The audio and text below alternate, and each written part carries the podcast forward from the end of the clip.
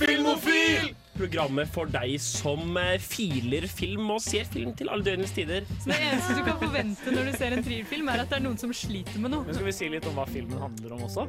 Vi kan gjøre det denne Før jeg er for sein. For jeg har jo et brennende hat mot La La Land. Jeg ser det selvfølgelig på japansk, Ja, da. så klart du gjør det. Jeg tror Gary Holm er litt som nissen. Jeg liker film. Du, du står frem som filmofil, rett og slett. Jeg gjør det. Du hører på Film og Film på Radio Revolt.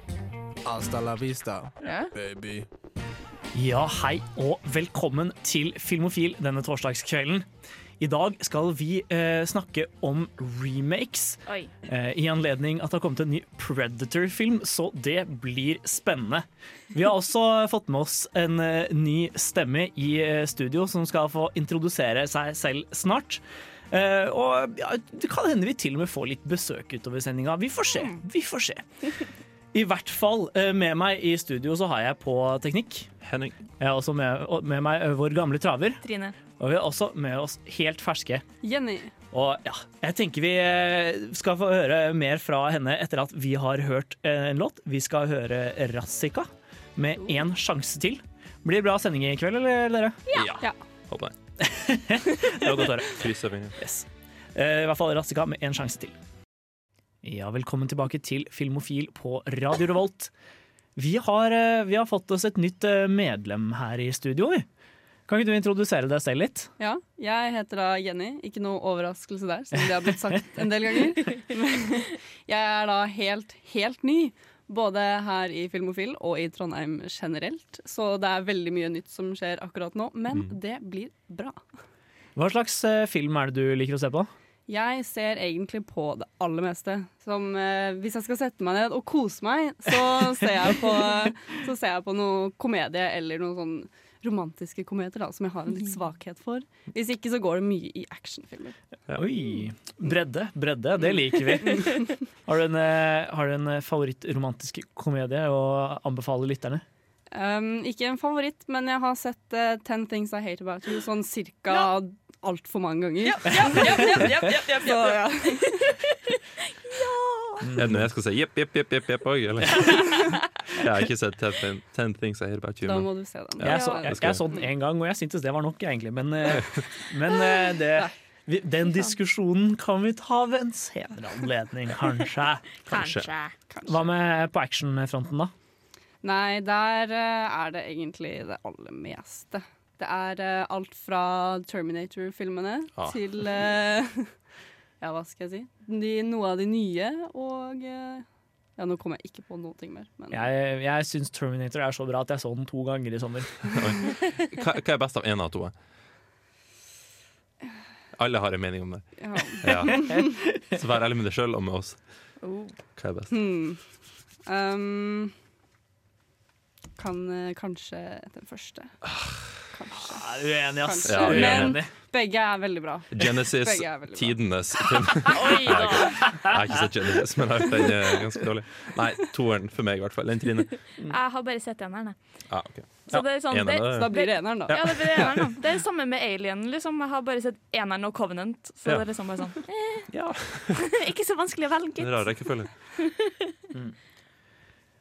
Men eh, ja, eh, ser du hva, hva slags Hva var den forrige filmen du så på kino? På kino. Mm. Da så jeg jo The Predator. Ja. Det, som jeg, det gjorde jeg. Det telles ikke. Nei, nettopp. Nei, hvis vi ikke teller pressevisninger. Nei. Jeg har sett én film her oppe i Trondheim siden jeg kom. da Mm. Det er De utrolige to. Den kavlet jeg meg til kinoen for å se. Det er, det er en, eh, den har rukket å bli en, godt likt av flere Filmofilmedlemmer allerede. Den er Det veldig det. bra. Det er Veldig sjarmerende film. Det er vel ingen hemmelighet, i hvert fall ikke for oss, at du liker superheltfilmer. Det er ingen hemmelighet. Og et generelt eh, Et spesifikt studio òg. Ja, kanskje Marvel? Kanskje, ja, Marvel, ja. Kanskje det var det jeg Ja. tenkte. Hva er favoritten her, da? Der, den første jeg så, var Captain America, så jeg har en Ja. liten ekstra plass for Captain America i mitt hjerte. Mm. Men The eh, First Avenger, altså. Ja. den aller første. Oi! Hva hva Winter Soldier, egentlig? Jeg husker, det var den første Captain America-filmen jeg så. i hvert fall Jeg synes, eh, Den var litt rar, syns jeg. syns du det er bra?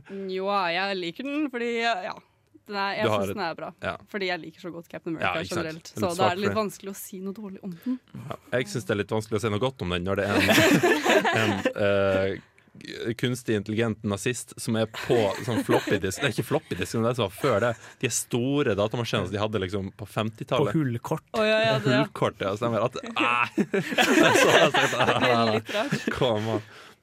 Det er ganske bra jobba nazifolka da, å komme opp med sånn Effektivt. Det skulle jeg Ja, å laste opp sin egen hjerne til en, eh, til en hullkort datamaskin, det er det er creds, altså. Prestasjon, ville jeg kalt det. Jeg, vi er et godt stykke unna å kunne simulere selv eh, rottehjerner den dag i dag, så Og særlig på hullkort. Det er et godt stykke unna. oh, ja. Hullkort er eh, beste teknologien eh, Eller den teknologien fra 50-60-tallet jeg savner mest, tror jeg. Men eh, ja. Det er i hvert fall eh, hyggelig å endelig få ha deg med i studio. Ja. Eh, Så kommer dere til å få høre mer fra Jenny i tida fremover. Men nå skal vi høre låt. Vi skal høre Sports med Never Fall In Love eh, her på Radio Revolt. Hei og velkommen tilbake til Filmofil. Eh, Vi, eh, har, eh, eller vi, vi åpner som vanlig med å snakke litt om, eh, om hva vi har sett i det siste. Og eh, Henning, kan ikke du eh, begynne? Jo, gjerne det. Jeg uh, i mine travle dager har ikke tid til å se så mye filmer, men Netflix kommer til mye unnsetning. Så jeg har sett, uh, som jeg prata om sist, jeg har sett litt anime, faktisk. Og da har jeg sett Oi. One Punch Man.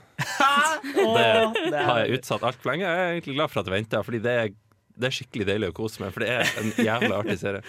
Jeg digger den fra topp til tå. Jeg så langt. Jeg er kanskje halvveis ut i første sesongen, sånn, men jeg digger den. Eh, Konseptet med One Punch Man er jo at du har eh, hovedpersonen Saitama, Mm. som har eh, Som på, en, på et tidspunkt var skikkelig lei av livet, men som plutselig begynte å slåss mot en superskurk og vant. Og dermed ble så motivert at han begynte å trene til å bli en helt.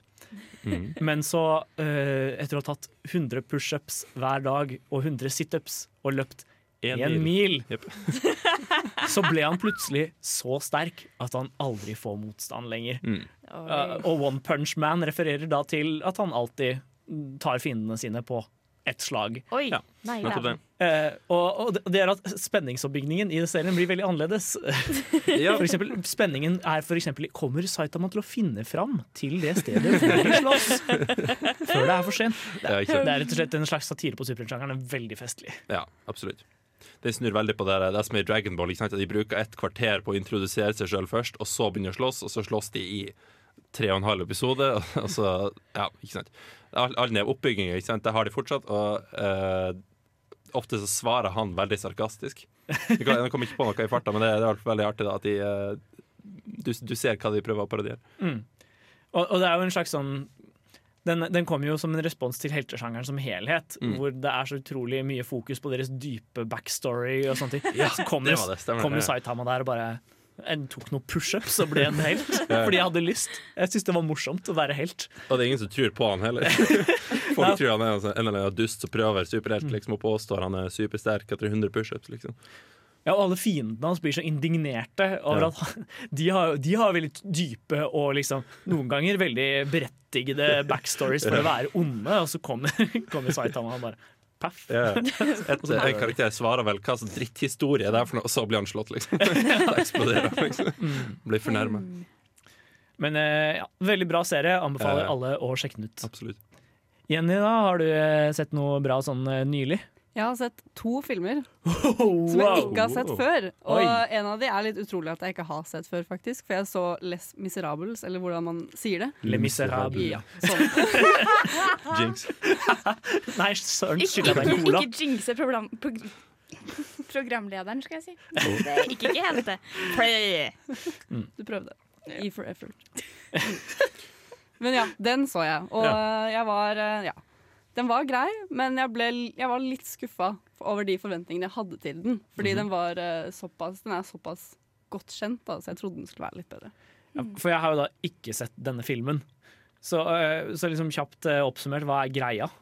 Greia er at det er satt i Frankrike etter revolusjonen, tror jeg det er. Mm. Og så er det en mann, Hugh Jackman, som skal synge seg i vei ut i verden. Og ja, det er, det er nesten ingen vanlige replikker i denne filmen. Det er bare sang gjennom hele. Mm. Noe som er bra til tider, men også kan bli litt irriterende. Ja, for denne filmen er vel regissert av uh, Tom Ho- Ho- Hooper? Tom Hooper? Tom, ja, eh, Tom Hooper eller Tom Hopper, jeg husker ikke helt. Uh, men i hvert fall han uh, hadde rett før det regissert 'Kongens tale'. Ja. Som plutselig ble sånn der kjempesuksess som vant masse, masse Oscarer. Og, men, men som egentlig, i bunn og grunn etter min mening, i hvert fall var en nokså kjedelig film.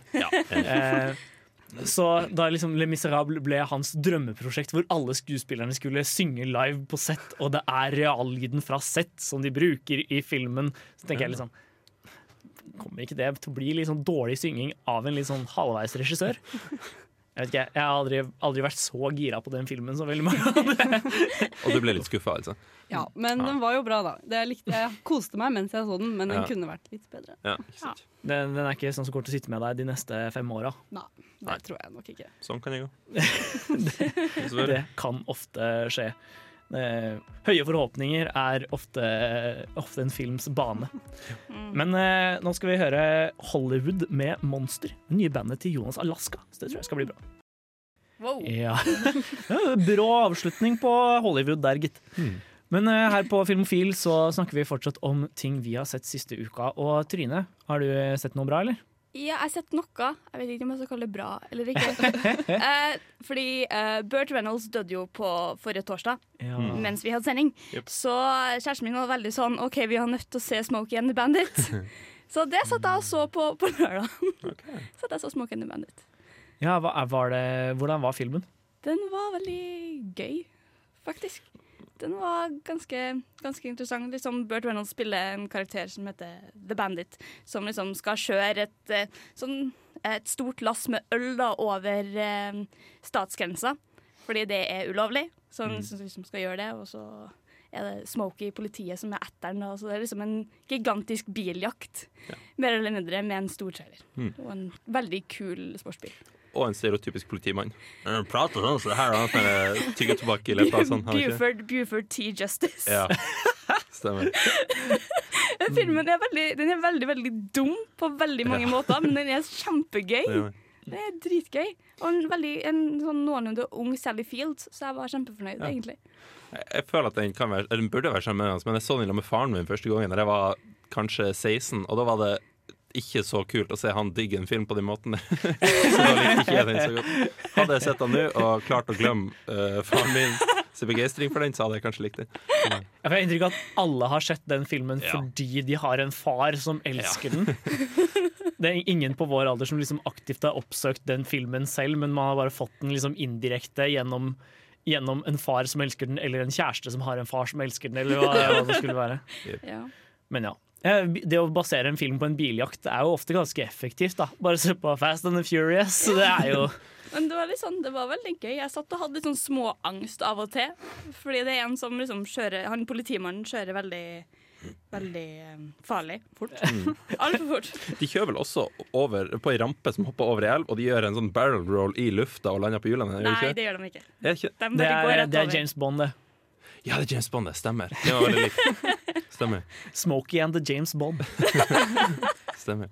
Nei, jeg har også sett litt film i det siste. Jeg, jeg har faktisk fått satt meg ned ganske mange kvelder og bare, bare sett film. Eh, Det er deilig. Jeg har vanligvis ikke tid til det. Men eh, det var særlig en lang en jeg fikk sett på forrige fredag, okay. som var litt godt å få unna. Det var eh, Kingdom of Heaven. Okay. For eh, jeg har jo lenge Eller den filmen lå liksom på Netflix da jeg nettopp hadde fått Netflix, og den var i lista mi ganske lenge, men uh, som en sånn film som jeg visste var sånn Som, som alle sa var OK. Det er ikke mye å hente der, men det er grei underholdning. Og så okay. så jeg plutselig en liste over uh, 2000-tallets beste filmer. Der eh, Kingdom of Heaven dukka opp på plass nummer 40 eller noe sånt. Huh. Eh, Men de var veldig tydelige på at nei, dette er ikke vanlig Kingdom of Heaven, dette er et Kingdom of Heaven Directors Cut.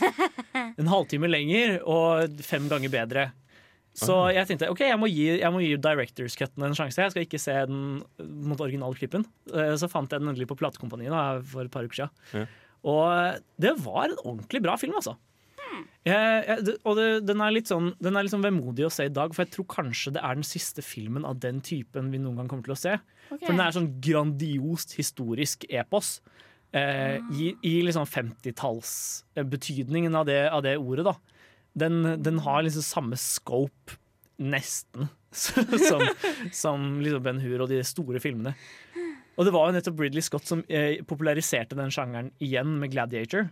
Ja. Og den Gladiator gikk ikke så bra, for det er en veldig bra film. Så de eh, ja, de fikk plutselig lov til å lage et par sånne store filmer akkurat rundt år 2000. Okay. Eh, Alexander av eh, Oliver Stone er et annet eksempel. Men ingen av de andre gjorde noe bra. Nei.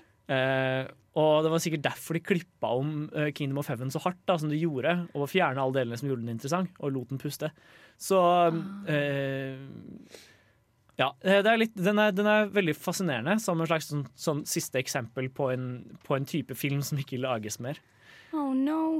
Men, eh, men ja, det, Directors Cutten er veldig, veldig verdt å sjekke ut for de som ja, liker store historiske epos, og, og kanskje Ridley Scott mer eh, spesifikt. Mm, kanskje det. Kanskje det. Jeg har også sett en sånn liten annen film som het eh, Hunt for the Wilder People. Å, den er bra. Jeg har ikke sett den ennå. Den er veldig søt. Det handler om, det, nei, det, er en, det handler om en uh, liten gutt som blir satt i et fosterhjem, og så eh, kommer han veldig godt overens med dem, men så dør fostermora, og han må være igjen med den litt sånn ja, Oh. ulykkelige fosterfaren Oh, som no. ikke egentlig bryr seg om han. Det hørtes veldig hørt. Men, men ja, den er skikkelig Wes Andersonsk oh, ja. i stilen, nesten. Veldig veldig festlig film. Anbefaler alle å sjekke den ut. Men eh, nå blir vi nødt til å ta en låt. Vi skal høre Company Inc. med Crew. Filmofil presenterer nyheter fra filmen og fjernsynets vidstrakte verden. Nå over til nyhetskorrespondent Henning Sjøli. Nyhetskorrespondent Henning Sjøli her. Jeg henger fra med regnjakken på knaggen. Jeg tar fram mikrofonen og jeg er klar til å lese opp nyhetene til dere. Jeg har nettopp henta de ute. skjønner. Jeg, var det dårlig rollespill? Universal er ikke kjent for å ha veldig gode skrekkfilmer uh, for tida. Men uh, de har tatt et par skritt tilbake, for å si det sånn. Nærmere 100 år tilbake. De skal slippe uh, en DVD-boks med over 30 klassikere Oi, shit. fra 33 til 55. De starta med eh, Dracula, Frankenstein, The Mummy, The Invisible Man, og slutta med filmer som skal vi se, Revenge of the Creature, Abbott and the Costello ja, whatever. Mange, mange, mange, mange klassikere. Jeg vil heller se det enn The Mummy på nytt, i hvert fall. Det, den filmen var helt Den slo ikke an for noen. ting. Den tapte masse penger, tenkte jeg. Av Tom Ja. Cruise. Altså, nei, stakkars Universal, jeg skulle til å si, men kanskje ikke. Men samtidig, den filmen altså, Greit nok, skuespillet til Tom Cruise var kjempeplatt og Mm. ræva. Litt som det var i Mission Impossible 6. Men Mission Impossible 6 har liksom gode action set Ja, og er er det. ellers ganske greit skrevet. Mm. Men The Mummy var bare dritkjedelig. Det monsteret var ikke interessant i det hele tatt. Det var bare Nei. Vi, spør du meg. Og ingen kunne gjort karakteren til Tom Cruise likende. Fordi det, den, den var, han var så kjip som Ja. menneske at jeg ikke heia på han et sekund. Ja. Men, eh, men de gamle filmene er jo ganske Eller eh, de har jo veldig godt rykte, i hvert fall. Mm. Jeg tror jeg bare har sett Frankenstein av dem, men den var, eh, den var overraskende god. Ja, den gikk på uh, Studentersamfunnets filmklubb i fjor, gjorde den ikke det? Eh, ja, eller for to år siden, tror jeg. Okay. Men uh, den er i hvert fall eh, den var, det var der jeg så den også. Den, den Ja. var overraskende rørende. Oh, ja. jeg ble litt sånn Ja. truffet av den. Den kommer, eh, de må sluppe ut eh, rundt halloween. da Den of boksen, ja. course. Ja, selvfølgelig. Mer eh, skrekknytt. Det er, et, eh, det er noen som har satt opp en statue av Jason uh, på bunnen av en innsjø i Minnesota, hvor filmen ble spilt inn. Ja. Nei! Og det, og det er tydeligvis ikke første gangen. det, og nok en gang så må uh, de her, eh, sånn park rangers og de må komme og rydde opp etter den. Fordi eh, ja, det, det, det den Herregud, hvem har dødd av sjokk, egentlig? Det må ha vært noen som har dødd av sjokk når han får ut og spør meg bare What the fuck is that? Jeg tror det er ganske langt unna. Jeg, jeg tror ikke du ser ham fra land, sånn som jeg forsto det. Men Ja, for det, det er en sånn type ting som typisk blir attraksjoner for fridykkere og sånn. ja, det er det. For det er en sånn uh, fridykkerklubb som har drevet med det her. De hadde satt opp sånn props under vann, bare for å kødde. ikke sant? Bare for moro skyld, egentlig. Ja. Men uh, det har blitt et sånn mysterium rundt det. Det var et samfunn på Reddit som ble danna for å finne ut hvem det var som drev med det her. Oh, wow. De har satt opp ting som kasinobord. Uh, skjeletter som satt i stoler med sånne glødende øyne, som satt og liksom flirte og prata. Og nå er det Jason. Og nå er det Jason. Så ja, eh, De aller fleste syns det var veldig festlig, men det syns ikke de som måtte rydde opp, dessverre. Incredibles 2 uh, raka inn uh, en milliard dollar. på uh, Nå mista jeg dessverre tallet, men jeg mener det var 47 dager. Det er den uh, raskeste eh, animerte filmen til å tjene en milliard dollar. Og den tredje filmen til Disney til å dra inn en milliard i år. Oi. Ja. Det er ikke akkurat kjemperart. da. Det Neida. er liksom bare Hvor mange er det som har venta på De utrolige to, Mm. liksom? Altfor mange. Ja, ja. Ja. Det er en dritpopulær film. Ja, og, og det er noe med at eneren så tydelig la opp til en toer. Ja. Så, og, og samtidig så er den veldig lett å markedsføre mot på en måte dagens barn. For den er Mm. på en måte ikke så tett knytta til forrige, forrige film, egentlig. Ja. At det, er liksom, det er ikke noe problem å dra med seg barna på, på kino nå for første gang, så du får hele familiepublikummet. Men i tillegg så er det hele vår generasjon som har fått så den på kino som barn. Og de har også tima det jævlig bra. Ja. Og som er ganske vanskelig å få til å dra på en barnefilm, egentlig, da. Mm. Eh, som nå plutselig Ja. ja, går i anas. Mm. Men eh, ja, jeg tenker vi sier at det var siste nyheten for i dag. Så hører vi heller en eh, låt av bandet Put Your Hands Up for Neo Tokyo. Eh, og sangen vi skal høre, heter Get By. Ja, hei og velkommen tilbake til Filmofil. Vi har nå fått litt eh, besøk i eh, studio. Dere kan jo få si kjapt hva dere heter. Ja, jeg heter Jack, og er ny filmklubbsjef i KU. Yes, jeg heter eh, Nora. Jeg var filmklubbsjef i fjor. Ja, for dere driver filmklubben til Studentersamfunnet. Stemmer. Vi syns det er veldig hyggelig at dere hadde tid til å komme hit i dag. Hvordan har filmklubbsemesteret gått så langt? Ja, foreløpig så har det gått ganske bra, altså. Vi har hatt eh, noen filmer med ganske mye pågang. For eksempel eh, The Good, The Band, The Ugly, som vi viste på starten av semesteret. Da var det mange som kom, så det var jo ganske stas. Ja. Ellers så hadde vi jo en utekinovisning av eh, The Grease. Nei, den heter ikke The Grease, den heter bare, Bare Grease. Grease. Herregud. Grease. Det var mange som møtte opp til utevisning. Ja, det var ganske mange. Det var em, 400 pluss, tror jeg kanskje. Ikke alle var ute, for vi viste den inne også i tilfelle dårlig vær. Og det begynte å regne underveis, så vi var veldig glad for at vi hadde det som en backup. da. Så da sendte vi resten inn, og da tror jeg vi var eh, over 400, altså. Yes. Det er ikke verst til en uh, liten filmklubbvisning. Ja. Men uh, ja, har dere, har dere et bra program for resten av dette semesteret, da? Ja, det vil jeg si. jeg har ikke vært så mye med på å bestemme det her programmet, da. Siden jeg ble jo nettopp tatt opp, og nå er første semesteret mitt med vervet her. Mm. Men eh, jeg har jo sett litt gjennom programmet, da. Og det ser ut som det er en del spennende ting. En ting som kunne vært ganske spennende å sette på, da, er en film som heter Mulm. Og det er en film med et spesielt konsept. Det er en filmkonsert eh, hvor de har lagd egen musikk til filmen med et live orkester eh, som spiller til, samtidig som filmen vises. Ja. okay. Og bandet heter da eh, Lint. Yes. Mm. Det høres veldig spennende ut. Når er det den eh, kommer til å gå av stabelen? Ja, den eh, tror jeg vel sendes eh, 1. november. Torsdag 1. Ei, ei, ei. vi Filmofil sliter hver gang arrangementene er på en torsdag. Oh, ja. Da blir vi liksom stuck her. Men eh, ja, får håpe lytterne våre ser, ser det verdt å dra på. Mm. Har du noen eh, favoritter, da, Nora?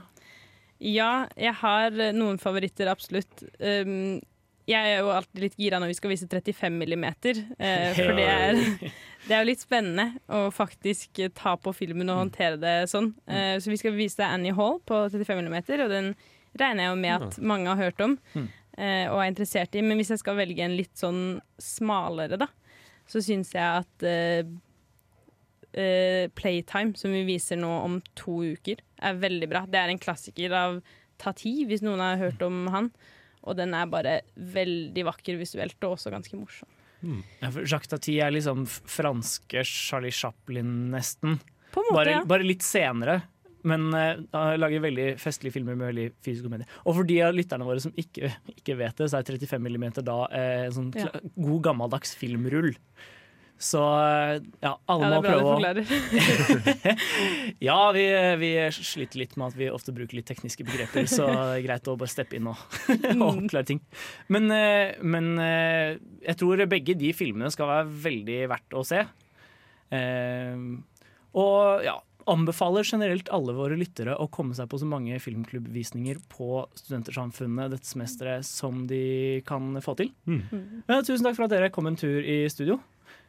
Det Takk alltid- selv. Veldig hyggelig. Tusen takk. Alltid hyggelig å ha dere innom.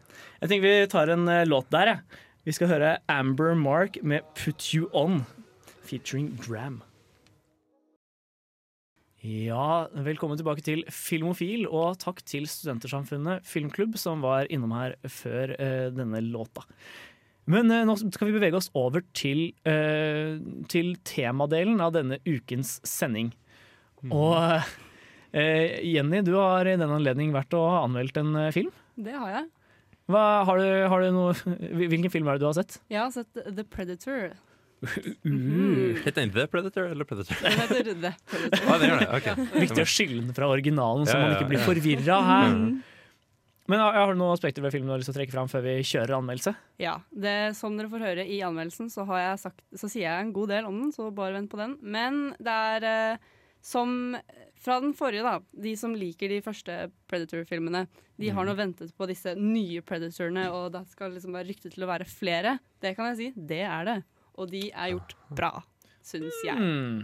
Spennende, Spennende. spennende. La oss høre anmeldelsen. The Predator er regissert av Shane Black, som har vært med på å lage filmer som bl.a. Iron Man 3, The Nice Guys og Lethal Weapon-filmene. Jobben Shane Black har fått av å remake en såpass elsket film som The Predator, hadde ikke vært lett på noen regissør, men han klarer å lage en ganske interessant og annerledes film, hvor både de som da har sett den originale, og de som ikke har sett den, kan sette seg ned og finne noe de liker ved filmen. What's on the ship?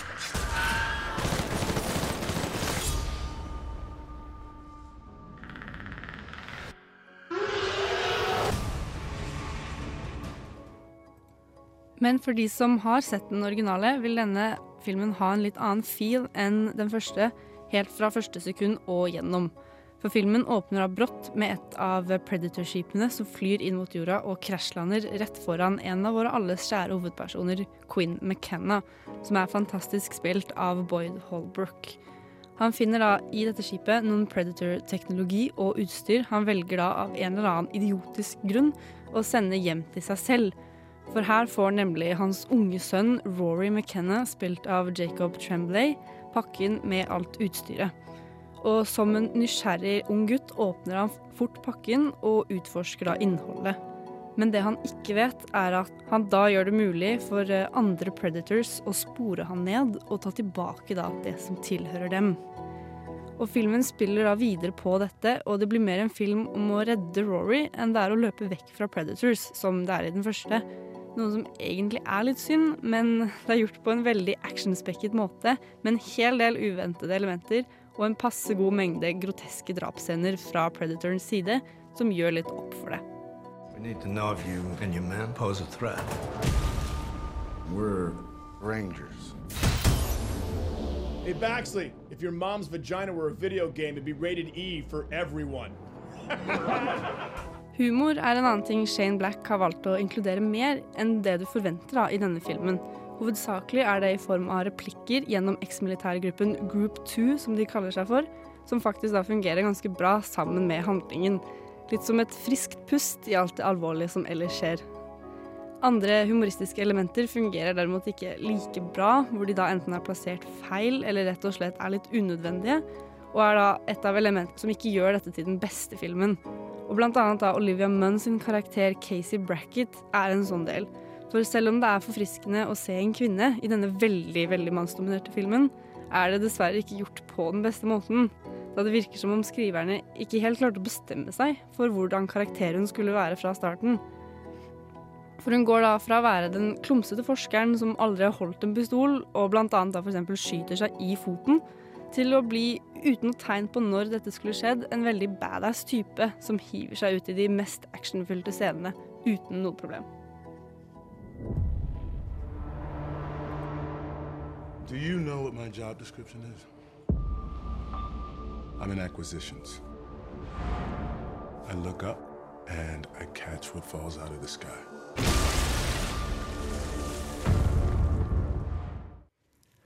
Ja, det at de hadde valgt Shane Black til å regissere den, det visste jeg faktisk ikke. Nei, ikke heller. Det er litt, det er litt rart, for han er jo kjent klart mer som en sånn komedieregissør enn han er en actionfilmregissør, egentlig. Hvordan funka den balanseringen liksom generelt? Man ser jo i filmen at, at det er en del komiske elementer. Mm. Han har klart å legge inn det ganske mye. Men det, som er, det jeg også leste, da, er at Shane Black er jo med i den første Predator-filmen. Oi. Ja, det er sant, da- det. ja. Det er sant, det. Så nå har han da fått sjansen til å regissere den. Det han, ja. Mm. Men den humoren du snakka om eh, Nå er det anførselstegn for de som ikke så det. Den ene vitsen der syns jeg hørte mer til på Xbox Live, egentlig, eller noe sånt. Ja, det, det høres ikke ut som den passer så veldig bra inn i filmen, akkurat der, men det er gjort i en scene hvor de da alle sitter sammen og blir kjent med hverandre. Og da kommer det da okay. frem at han ene er the joker, da, på en måte. Han som er the funny guy. Så da kommer han med litt sånn vitser innimellom. Ja, ok, Så det er ikke så verst. Nei, det er ikke så okay. Det er litt sånn som It, tenker jeg. Det hadde også mange sånne teite spøker, og alle syntes det var irriterende, men jeg likte det. Ja, det er jo mange actionfilmer i den sjangeren som også har ganske stor grad av spøkete tone, av, Mm. av de gamle òg, da. Jeg tenker for eksempel på Alien 2, eller Aliens, da. Eh, Mm. Der er det jo ikke liksom, Det er jo ikke en morofilm, men når dere macho-crewet driver og pr prater seg imellom, Ja. så er det mye sånn der comeback à la, det vi hørte i Ja. traileren her. Sånn soldatsnakk, liksom. Ja, Ja. Locker room talk. Ja, locker room talk. Oh, ja. Ho, ho. Ja. Men så, i det store og det hele, tror du det her er en film som kommer til å slå an blant uh, publikum? Det jeg tror det kommer til å bli litt splittet, for det er jo de som har sett den originale, og de som ikke har sett den. Så Mhm. personlig så har jo ikke jeg sett den første filmen. Men, eh, men jeg gikk jo i kinosalen og visste egentlig ingenting. Jeg hadde hørt litt, grann, prøvde å Mm. søke meg litt opp på hva den første egentlig handlet om. Men da jeg så den, så var jeg liksom Jeg savnet på en måte noe skrekkelementer. Noe jeg aldri selv jeg skulle trodd jeg skulle si. Oi. Men det var litt sånn. Ja, Hmm. jeg tror jeg, da jeg gikk ut av kinosalen, så fikk jeg mer lyst til å gå og se den første enn den nye. En gang til. Så jeg tror ja, mange, noen kommer til å like den, andre kommer til å være Nei, den er ikke like bra som den første. Eller ja. Mm. er. Jeg tror det kommer til å bli litt splittet. Nei, men det, er- det er spennende. Og det, det er jo bra Det høres jo litt lovende ut egentlig at de har lagt Latt seg Eller har valgt å kjøre sin egen vri litt. Ja, det gjør typisk en remake mer interessant. Ja. Men det kommer vi tilbake til etter at vi har hørt 'Temporary' med 'When I Leave', for da skal vi diskutere remakes mer i dybden. Ja, her på Filmofil så snakker vi i dag om remakes. Men hva er egentlig en remake, dere? Hva er det som, hva er det som skiller det fra alle de andre typene liksom, filmer i samme univers som noe annet? Hmm. Det, er når en, det er når en regissør ser på en litt sånn, litt sånn eldre film og så tenker bare hm, jeg kan gjøre det der bedre. Og så lager en filmen på nytt med enten en liten twist eller gjør som Psycho og tar shot for shot remake. Eller når en regissør åpner pengeboka, og det flyr ei lita flue ut. så ser han i filmhylla og sier bare å shit, å shit, å shit. Nei da. Jeg, jeg, jeg tror det er en eller annen studio executive som gjør det samme. Ja? Ja, ikke. Uh-oh. Ja, heller det, egentlig. Men hva, et par hva, brev. hva er det vi har rettighetene til, da? Så blar de gjennom katalogene katalogen, og så er det sånn. Men det kan ikke forveksles med en reboot, da. som Ja, for vi, vi må sånn- være litt tydelige på hva vi mener her, for det er ganske mange typer liksom I, i, i, i, den der, i, i samme kategori sånn eh, filmer som ikke er basert på et originalt manus eller er adoptert fra andre media, så har du liksom så, har du så mange subsjangre nå. Ja, Du har for liksom- mange. Ja, sequels, er liksom, eller eh, eh, oppfølgere, er jo ganske utbredt. Eh, det er jo når man liksom lager liksom viderefortelling av historien eh, fra film nummer én. Det skal vi ikke snakke om i dag. Nei. Eh, så ikke noe eh, Star Wars episode fem. oh. Og ikke 1, 2, 3 heller. Nei, ikke en, to, og tre heller. Eh, det er det er prequels, men Nettopp. det er jo samme prinsipp. Ja. Uh, men ja, det det kanskje er viktigst å altså, så har du no, Men du har noen sequels som minner veldig om remakes. Ja. Ta for eksempel en Blair Witch som Ja, kom her for et par år siden. Mm. Ja. Eh, regissert av Adam Wingard. Den er jo egentlig en slags oppfølger. Den tar for seg liksom broren som, som, som skal finne, Ja. finne the videotapes. Eller, liksom, det, Ja. det blir jo på veldig mange måter en remake. Kunne nesten like gjerne vært en remake, Mm. men ender opp med å være en sequel. Mm. Så, sequel, nei, så, så det, vi, det vi sikter til med Og, og, og det kanskje viktigste å skille de fra, da, for, for, denne, for denne omgang, er vel egentlig reboots. Ja. Det er når man liksom har et, har et helhetlig filmunivers som man tenker Ja, men hadde ikke vært greit Som, som har kanskje gått litt langt og gått litt i stå. Se for deg Batman på 90-tallet, etter at Batman og Robin har kommet ut. Og du er litt sånn Men det her går ikke an å bygge videre på. Vi må finne på noe nytt. Hva er det vi gjør? Jo, vi lager Batman Begins. Da venta de jo alle for et par år, da. Du Ja. ser liksom med Spiderman bare sånn OK, la oss lage en ny en. La oss lage en ny en. Det er tredje gangen nå, ikke Ja. Noe ja. Men i hvert fall det vi legger i ordet remake, da, det vi skal diskutere i dag, er jo når, når man tar en gammel film og rett og slett på en måte lager en ny versjon av den. Ja. Eh, og du har jo en del, god del grensetilfeller her. Du har en god del reboots som kan ligne på remakes. Og så har du soft reboots og soft Ja. remake og at det er bare Ja, kaos. soft reboots, det er vel sånn som eh, Star Wars episode fire, fem, seks, syv. er? Mange vil kalle den en soft reboot. Og samme Jurassic World også, det er også en soft reboot av den originale. Hvor du liksom starter litt fra scratch. Ja, ikke sant? Men litt samme karakterer. Ja, og liksom, Samme men, men en del overlapp. Ja, nettopp. Um, Men med litt endringer. Kanskje, kanskje Split. Det er soft, Split. soft sequel. Soft sequel. Men uh, uh, Mens en, en soft remake kan være når man tar et eller annet som ja, det, det blir når man Eller hva legger vi i en soft remake, eventuelt? Er det, er det noe som finnes? Nei, jeg tror ikke det. Nei. Men, eh, men i hvert fall det finnes jo også veldig store veldig grader av remake. Mm. Noen ganger så er remake veldig direkte. Eh, det beste eksempelet på det er er det to, to veldig tydelige eksempler på det. En er Psycho, som Trine nevnte, hvor de lagde Mm. en remake som var liksom shot for shot akkurat samme film, bare i farger.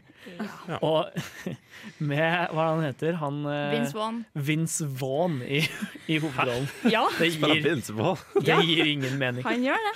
Men uh, uh, eller, eller Funny Games, da, Michael Haneke, hvor han hadde Ja. lagd filmen først på tysk.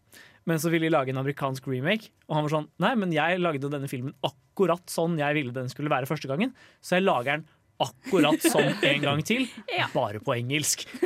sånn at ingen skulle ødelegge den. Ja. Um, Ja. um, eh, eller så har du liksom andre enden av skalaen, da, hvor folk veldig liksom lar seg inspirere av en annen film, men ender opp med å liksom dra det veldig langt i en annen retning. Mm. Uh, Erkeeksempelet der er kanskje Star Wars, som er en Mm. veldig, veldig out Eller veldig liksom Det er en slags remake av eh, eh, Hidden Fortress av Akira Kurosawa. Men det er en samuraifilm, mens Star Wars er en space opera. Det, det er jo litt forskjellige filmer. Det ville jeg heller sagt veldig inspirert av, Mm. Ja. i stedet for en remake. Ja. Det er i hvert fall mange, mange nyanser her. Vi skal prøve å holde oss til det de, de fleste av våre lyttere vil kjenne igjen som en, som en remake eller en film laget på nytt. Ja. Mm. Men eh, ja, det kommer til å være litt begrepsforvirring her, som dere hører. Nå, nå skal vi høre en eh, låt. Vi skal høre White Denim med 'Performance' på Radio Råd. Hei, mitt navn er Atle Antonsen. Du lytter til Filmofil på Radio Revolt, og det gjør du helt til programmet er ferdig. Men vi er ikke ferdig enda. Nei! Vi har fortsatt mye å snakke om uh, i denne remake-sendingen på eh, film, eh, her i remake-utgaven av Filmofil. Men vi skal nå snakke litt om hvorfor, hvorfor velger folk å lage remakes. Er det, hva, er, hva er grunnen til at vi ser så mange av de i liksom, filmsamtiden? Nå kan jeg ta en remake av den vitsen jeg tok i stad, men eh, vel, altså det, man kan jo lett skylde på gjerrige studio eh, executives, ikke sant? men som du sa, han eh, som regisserte Funny Games, hadde jo tydeligvis en visjon. ikke sant? Han hadde eh, kjærlighet til det verket og bestemte seg for å lage den på nytt, fordi han visste at det var en måte å gjøre det på. ikke sant? Og det sier jo litt om at jeg tror det, er, det finnes filmskapere der ute som tenker at den historien der kan bli fortalt på en enda bedre måte. Mm. Eller altså, ja, bare gjøres på nytt enda bedre, på en måte. Ja, det er jo en veldig enkel ting å komme med pitch til, da. Ja, Mm. Liksom absolutt. bare Hei, du ser den tingen her, sant? Vi, vi lager den Det, tingen det her er på et godt nytt. poeng. Det tror jeg. Ja, jeg, jeg tror jo, altså et, et poeng her er jo at det er, det er veldig lett salgbart også. Fordi Ja. altså, med en gang en film har vært populær, Mm. så vil den ha et marked. Det er jo derfor sequels også er liksom veldig, veldig lett å tjene inn pengene på. Da. Mm. Hvis du ser på lista over de mest innbringende filmene noensinne, så er liksom veldig lite av det var originalsatsinger. Rett og slett fordi det er mye vanskeligere å selge til et publikum som blir bombardert med tilbud overalt. Ja. Mens med en gang de har sett et eller annet i barndommen som skal lages på nytt, så er det sånn wow! Den det er elsket mer, jeg som barn. Nei, nei, nå snakker jeg ikke om oss eh, filmgeeks. Nå ja. snakker jeg om den, den eh, jevne borger Å, der ute. Ja, Eh, fordi jeg tror den jevne borger fort biter på sånne ting. Som 'Å, shit, en ny Predator-film'. Digg, ikke sant? Og så vil jeg si ja, det er litt som den gamle. Ja, jeg likte ikke de Alien-filmene. Jeg må jeg ble litt den nye Predator-filmen, for den, den var jo skikkelig god. Ikke sant? Ja. Sånn. Er, jeg, tror, jeg tror faktisk de sparer veldig mye penger på markedsføring når du lager en remake. det, det er nok en av de en av mange gode grunner til å gjøre det. Du kan ta Markedet- gamle plakater og så bare skrive over. Bytte ut tittelen. Ja. Stryke ut. Nei, skriv på 'the' med sånn rød tusj foran. Ja, men, men vi har også vært inne på det andre ganger, så er det på en måte genuine kreative hensyn som, går, eh, som ligger bak at man har lyst til å lage en remake. Ja. Eh, Michael Hannicke er jo kanskje det mest notoriske eksempelet på det. Men, eh, men eh, et annet eksempel er jo et annet eksempel er Heat av eh, Ja. Michael Mann. Mm. For han hadde lagd en litt sånn dårlig eh, sånn heist-actionfilm på tidlig 80-tall med nokså lavt budsjett. Og så var han, ikke, var han ikke så fornøyd med den. Så eh, da han etter hvert hadde blitt et større navn i Hollywood, så ville han remake den med større budsjett, gjøre den lenger, få med liksom Robert De Niro og Al Pacino i samme scene. Og plutselig har du på en måte eh, samme, samme historien, mer eller mindre, men i mye større skala. Ja, for du ser virkelig når folk brenner for det, at det blir generelt en god remake. Mm. Det er ikke det samme med Steven Spielberg. Den første filmen han hadde, var en kortfilm. Og så, når han fikk støtte, på en måte, så laga han den på nytt. I Ja. Jeg husker ikke tittelen på den filmen, men jeg er 85% sikker på at han gjør det. det kan jeg hete feil. Det, det er i hvert fall flere grunner til å lage remakes, men det, er, det er nok ikke til å komme fra at det økonomiske motivet ofte er liksom dominerende. Mm. Men, men. Nå skal vi høre en låt til. Vi skal høre Mallgirl med Slay Queen. Der fikk dere altså Mallgirl med Slay Queen. Vi har eh, nå kommet til eh, den delen av sendingen der vi snakker om eh, det vi ga dere som hjemmelekse å se til i dag. Ja. Eh, Forrige uke ba vi dere se Oceans Eleven, så vi håper dere alle har gjort det. Men, men for dere som ikke rakk det, eh, midt i alle deres, alt deres skolearbeid osv., osv., eh, kan ikke du forklare litt hva filmen handler om, Jenny? Det kan jeg gjøre. Den tar for seg da, hvis du ser på vanlige heist- eller eh, heist-filmer i dag, da, så er det en ganske klassisk sånn sett, med at det er da Danny Ocean som har lyst til å rane kasinoer. Tre Las Vegas-kasinoer på en kveld. da. The biggest heist, eh, som eh, han liker å kalle det for. Og han samler, det, sa- samler da sammen gjengen sin etter å ha kommet ut av fengsel, Mhm. og klarer da å få sammen elleve stykker. Ah, okay. Og eh, Da har vi tittelen på ja. plass. Eh, og de går da i gang med å ja, med å rane det, disse tre kasinoene. Og så Mm. utspiller det seg da etter, etter hvert som det går. Ja, for det er jo en remake av en film fra eh, 1960 eller noe sånt. 61? Eh, I hvert fall, eh, i hvert fall tidlig 60-tall. Og som handler om eh, Eller eh, hvor eh, denne, denne Ocean spilles av Frank Sinatra. Eh, og det er rett og slett en ganske kjedelig film. Jeg så den, eh, jeg så den nå i påsken fordi den var i ferd med å forsvinne fra Netflix. Mm. Eh, som en sånn klassiker en, en, en morgen hvor man ikke hadde noe å gjøre. Og den, den, var, eh, den var rett og slett veldig lite engasjerende. Ja. Så eh, dette, er, dette var et tilfelle hvor det ga veldig mening å lage en remake. da Tror det var også for at Frank Sinatra ikke hadde så gøy på sett. Han var jo slem med alle, så det er ikke så rart. Ja, men, men også det at bare, bare manuset er litt platt, og klippinga er litt sånn ja, det, det, det bare, det, det bare klarer ikke å Ja, men ikke bra 60-talls. Det Nei. finnes jo heistfilmer fra 60-tallet som er underholdende den dag i dag. Ja. Eh, Den der The Sting, for eksempel. Det er jo 70-tallet, kanskje, men, men den, er jo, den er jo fortsatt en film mange har jo kjempekjært. Mm. Men akkurat, akkurat Ocean's Eleven er bare kjedelig. uh, så da Steven Soderberg bestemte seg for at dette er en film jeg vil, vil lage en remake av, så var det liksom Da var det ingen som var sånn Å nei, skal de lage en remake av den? Det Nå kommer barndommen min til å bli ødelagt. For Ikke originalen Frank Sinatra er engang. liksom Å nei. Men, og, og det må jo sies at, at uh, sluttresultatet var veldig vellykket. Ja, Ja. absolutt. Jeg vil jo si det er en høyst underholdende film. Ja. Og noe av det som uh, fascinerte meg så mye første gang jeg så den, var at uh, du føler liksom hele tiden underveis at du skjønner hva, hva schemet deres er. Jeg følte på en måte under hele filmen at jeg skjønte hva de skulle gjøre da de kom ned i, liksom, i safen. Mm. Men plutselig idet de var i gang, så skjønte jeg at jeg ikke hadde peiling. Så jeg satt der med en sånn rar følelse av at jeg burde visst alt, og, men så skjønte jeg ingenting allikevel. Uh, det er rett og slett veldig godt gjort. Jeg husker også jeg så den, eller første, Mitt første møte med Oceans Eleven var eh, at, jeg, at den gikk på TV Norge en kveld mens jeg gikk på barneskolen. Ja, ja, ja. Eh, da så jeg ikke hele, for jeg måtte gå og legge meg. Men jeg husker han, han gikk for å kjøpe skjetonger i, i liksom disken der. Og så eh, hadde ikke jeg helt skjønt forskjellen på skjetonger og krutonger ennå. Skjønte ikke hvorfor han kjøpte så sykt dyre krutonger. Det ga ingen mening. Jeg hva en krutong var da jeg gikk på barneskole. Jeg spiste ikke. Nei, han, Krutong jeg hadde liksom nettopp lært hva en krutong Ja, var. okay. ok. Så det var et sånt ord jeg tenkte Eller som, var var nærliggende å misforstå, da. Men, eh, men ja. Så det, det er i hvert fall eh, mitt første møte med Danny Ocean. Mannen, mannen som kjøper de dyreste krutongene. 10 000 dollar, takk.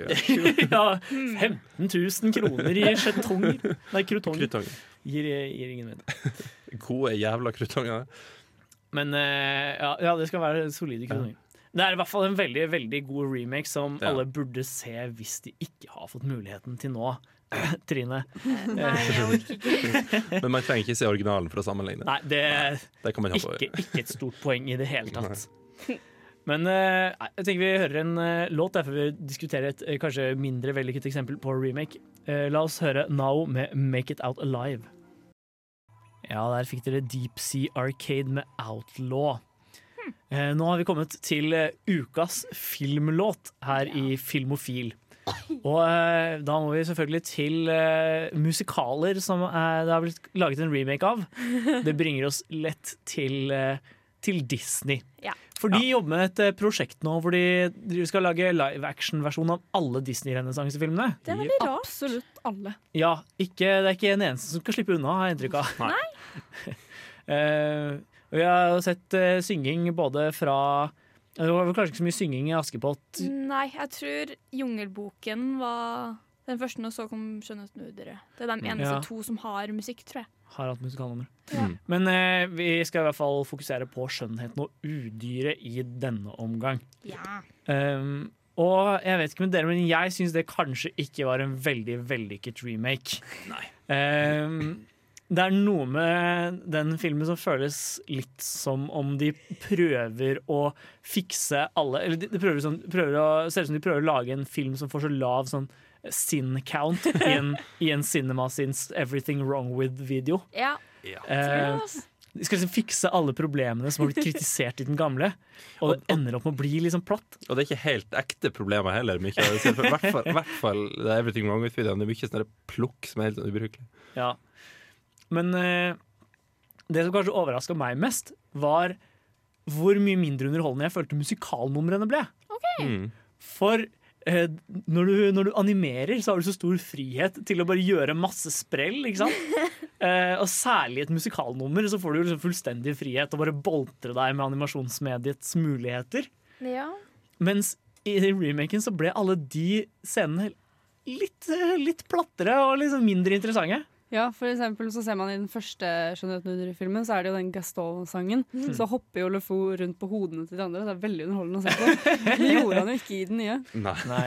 Jeg tror Det kanskje. Ja. HMS-ansvarlig ville reagert hvis, hvis noen hadde pitcha det. Ja.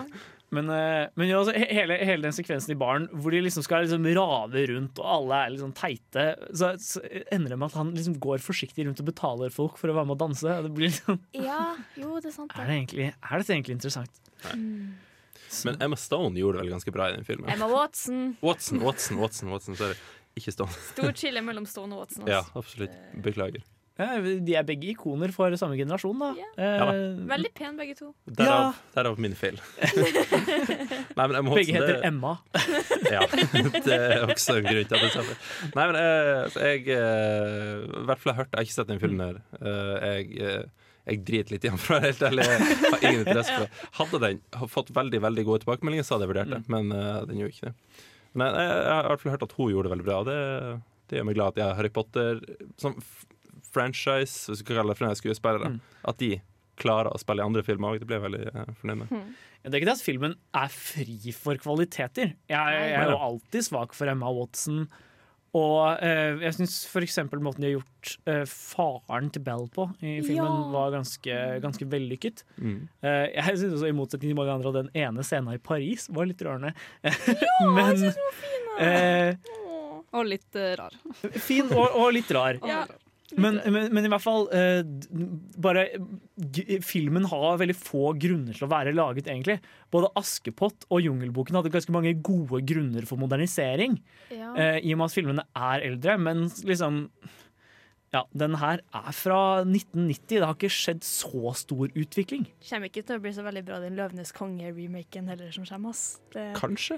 Nei. Jeg vet ikke. De har med Beyoncé og John Oliver. La oss i hvert fall høre Evermore fra Beauty and the Beast-remaken. For et program i burra med både klasse og stil. Du hører på Filmofil. Ja, her på Filmofil i kveld så snakker vi om remakes. Og vi har eh, nå nylig diskutert to eksempler på remake. Vi diskuterte Oceans Eleven, som vi mener er en bra en. Og, eh, og Beauty and the Beast-remaken. Live action-remaken med Emma Watson, som vi kanskje ikke likte så godt. Nei. Men hva er det mer generelt som kjennetegner en god versus en dårlig remake, dere? Er det noen som har noe formening? Jeg syns liksom en god remake det er liksom, Den holder litt på den feelingen du får fra den gamle filmen, men tørs å legge på nye ting som kan forbedre på den gamle. Ja. For du har for eksempel nå skal vi snakke om senere, uh, 12 Monkeys, som er en remake på en fransk film som jeg ikke husker navnet på akkurat nå. La Jetée. Ja, der en av hoved liksom, sammen, det, det de har til felles, er at hovedkarakteren har et minne av å se en person bli skutt på en flyplass. Og de scenene er ganske like, Mm. men mye av det andre er litt forskjellig.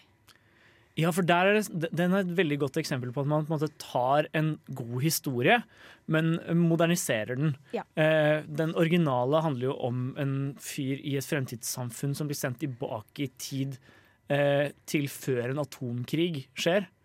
Eh, og som på en måte skal prøve å ja, skal prøve å redde menneskeheten da, fra det postapokalyptiske samfunnet. Mm. Mens i, i 12 Monkeys, eh, 90-talls-remaken, eh, så er dette Så er det på en måte krigen som foregikk.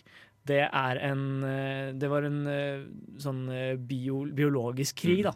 Ja, sykdom. Ja. Og eh, liksom, så, så, så noe av grunnpremisset er veldig likt, men måten det er fortalt på, er så vanvittig forskjellig. Ja. Den originale er kun liksom stillbilder. Svart-hvitt. Svart-hvitt stillbilder, og filmen varer bare en halvtime med, med voiceover. Og kjempe- På fransk. på, det, er, det er en helt fantastisk liten film. Altså, jeg har sett den mange ganger. Jeg elsker den veldig dypt og inderlig. Um, men uh, mens den andre er liksom stor, storbudsjetts Hollywood blockbuster-aktig. Mm. Men, men allikevel så har du så veldig mye av essensen da, i den lille franske kortfilmen yeah. stappa inn i dette store og, og, og mer spektakulære Hollywood-filmspråket. da. Så, så vet en, en god remake er nødt til å ha et eller annet liksom, nytt å by på til det originale verket. Du kan ikke bare, du kan ikke bare lage en film som er, laget, er der for å tjene penger. Den må ha en eller annen sånn tydelig den må, den må gi originalverket et eller annet nytt. For eksempel et større budsjett, eller Ja.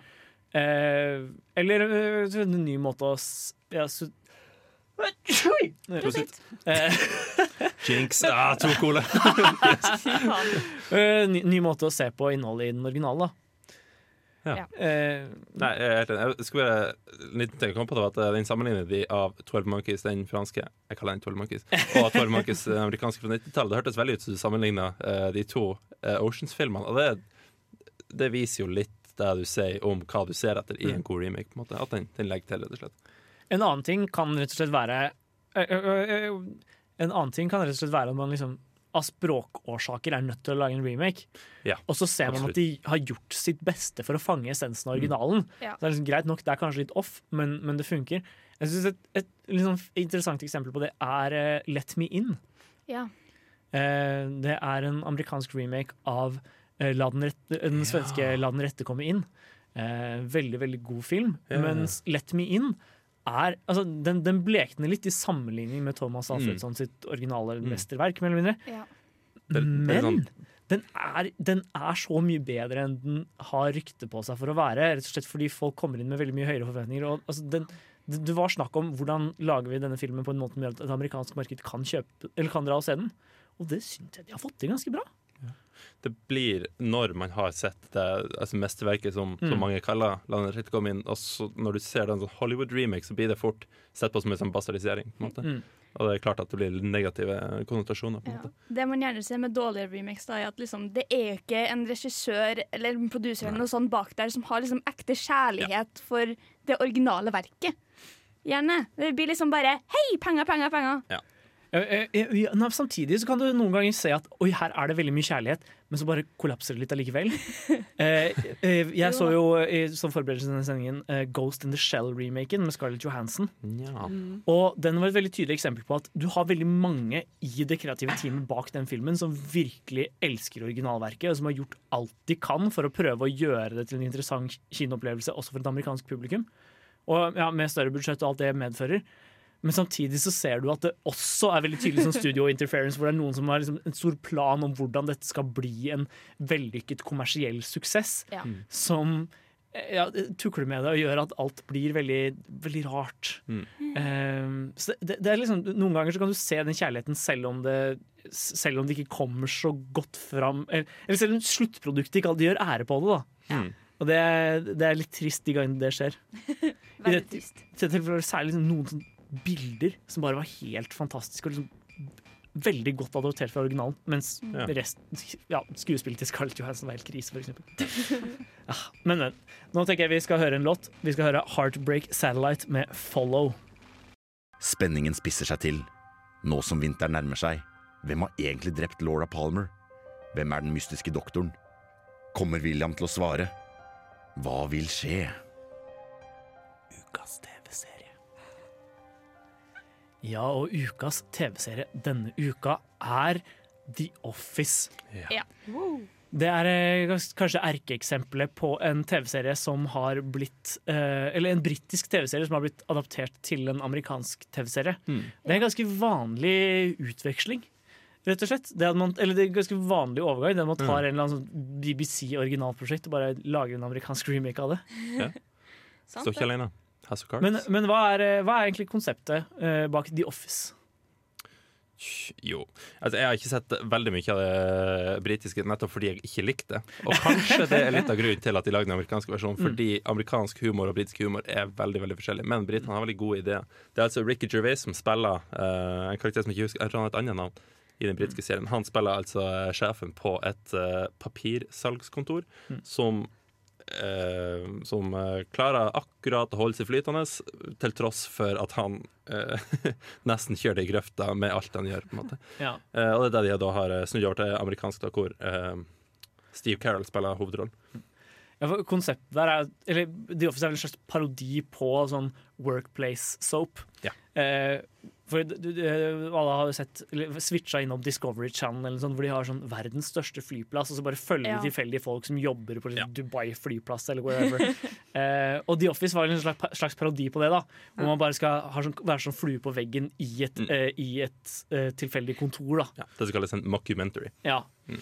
Men i, i hvert fall, eh, de karakterene er jo bare helt fryktelige. Ja. det er ikke så mange tilgivelige sjeler i det kontoret. Nei. Uh, altså, jeg har veldig store problemer med å se liksom, kleine ting på film. Oh, ja. I barndommen så pleide jeg alltid å reise meg på gå min vei med en gang det ble kleint på TV. Eh, mamma og pappa mobber meg for det fortsatt. Oh. Eh, men eh, i hvert fall, eh, vi hadde én episode av britiske The Office på pensum eh, på film- og fjernsynsvitenskap. oh, nei.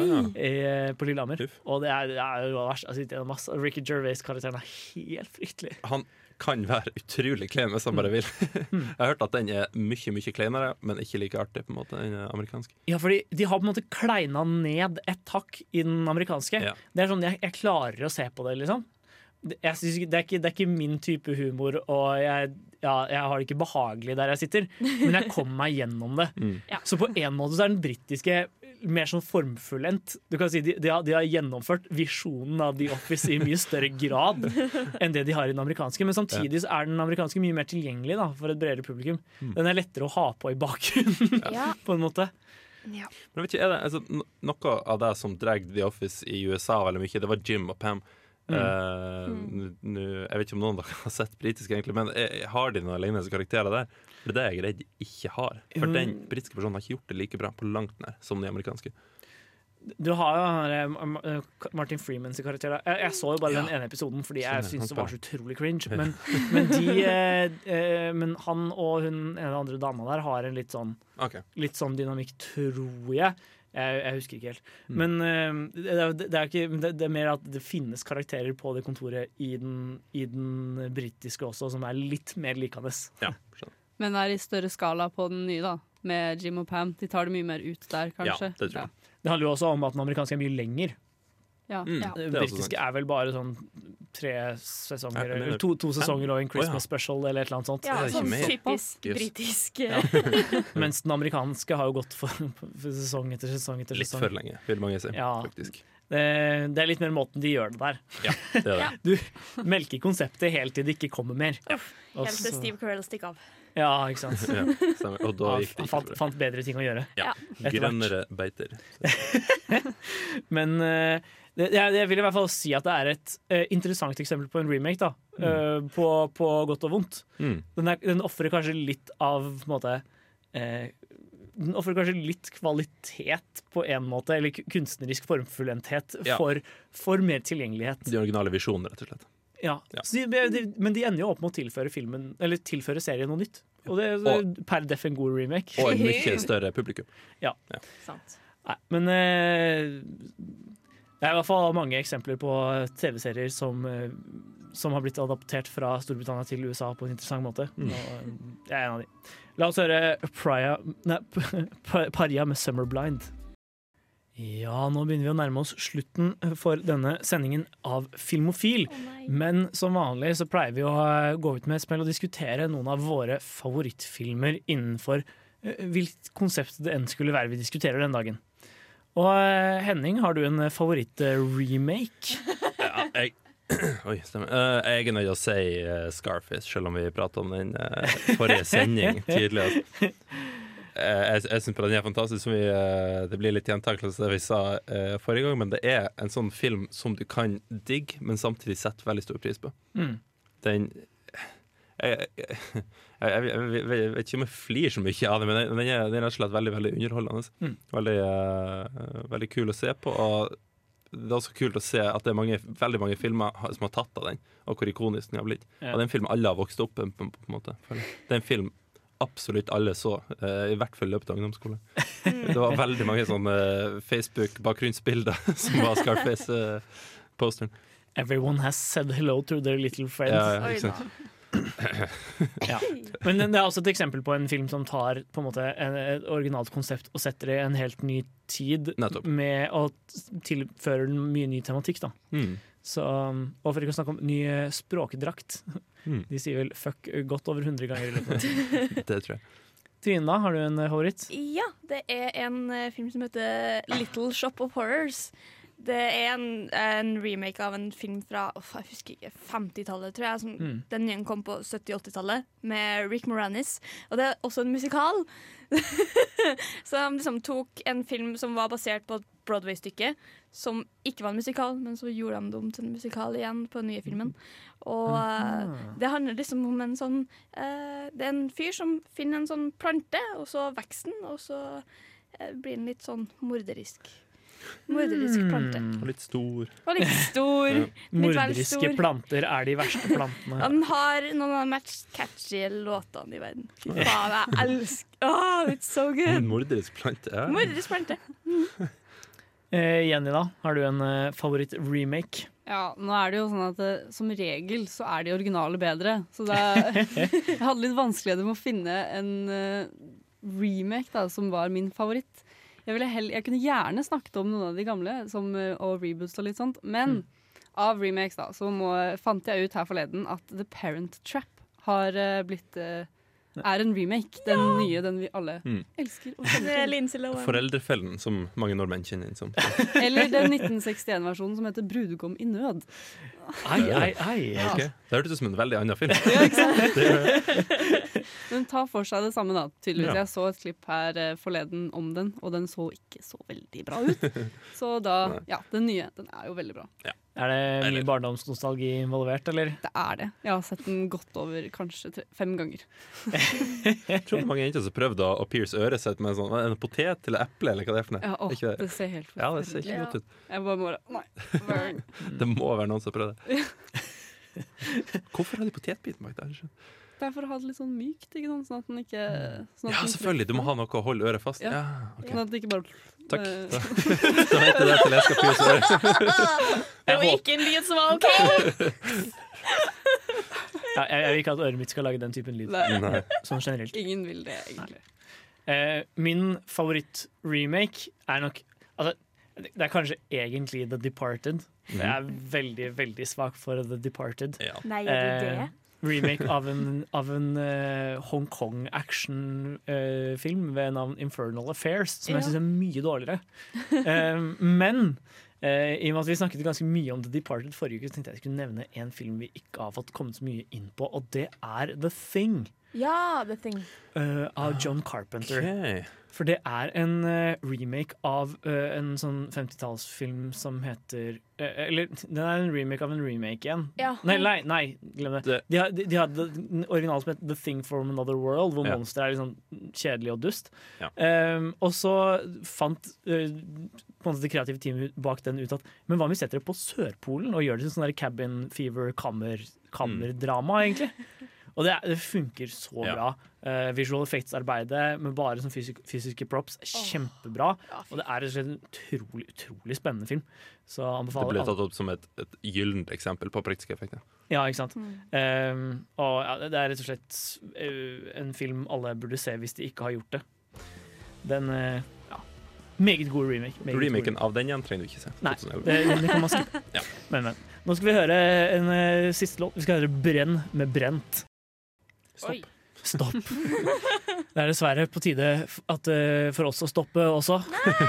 Filmofil er dessverre over for denne gang. Vi har snakket om remakes. Hvis du har lyst til å høre mer uh, Eller hvis du, hvis du kom inn nå på slutten og har lyst til å høre sendingen på nytt, så er det bare å søke oss opp på radiorevolt.no eller din favorittpodkast-app, inkludert Spotify. Neste uke skal vi ha en litt eh, spesiell sending. Vi skal ta for oss våre favorittfilmer fra filmåret 1999, Ja. som er kjent for å være et særs godt filmår, med filmer som The Matrix, Den sjette sansen, The Green Mile, eh, Magnolia osv. osv. Så, videre. så ukens hjemmelekse til neste gang er rett og slett å se opp igjen deres favorittfilm fra 1999. Ja. Med meg i studio i dag så har jeg hatt eh, på teknikk. Henning. Jeg har også hatt med meg gode gamle traver. Trine. Eh, og mitt navn er August. Og Og så har vi da. hatt eh, med oss Og meg, ja, da. Jenny Unnskyld meg. på Ja. sin første sending. Åssen har det- åssen syns du det har vært? Det har vært gøy. Ja, Det er godt å høre. Dere får eh, se oss alle igjen, eh, inkludert Jenny, neste torsdag. Her får dere Girl in Red med 4 AM på vei ut.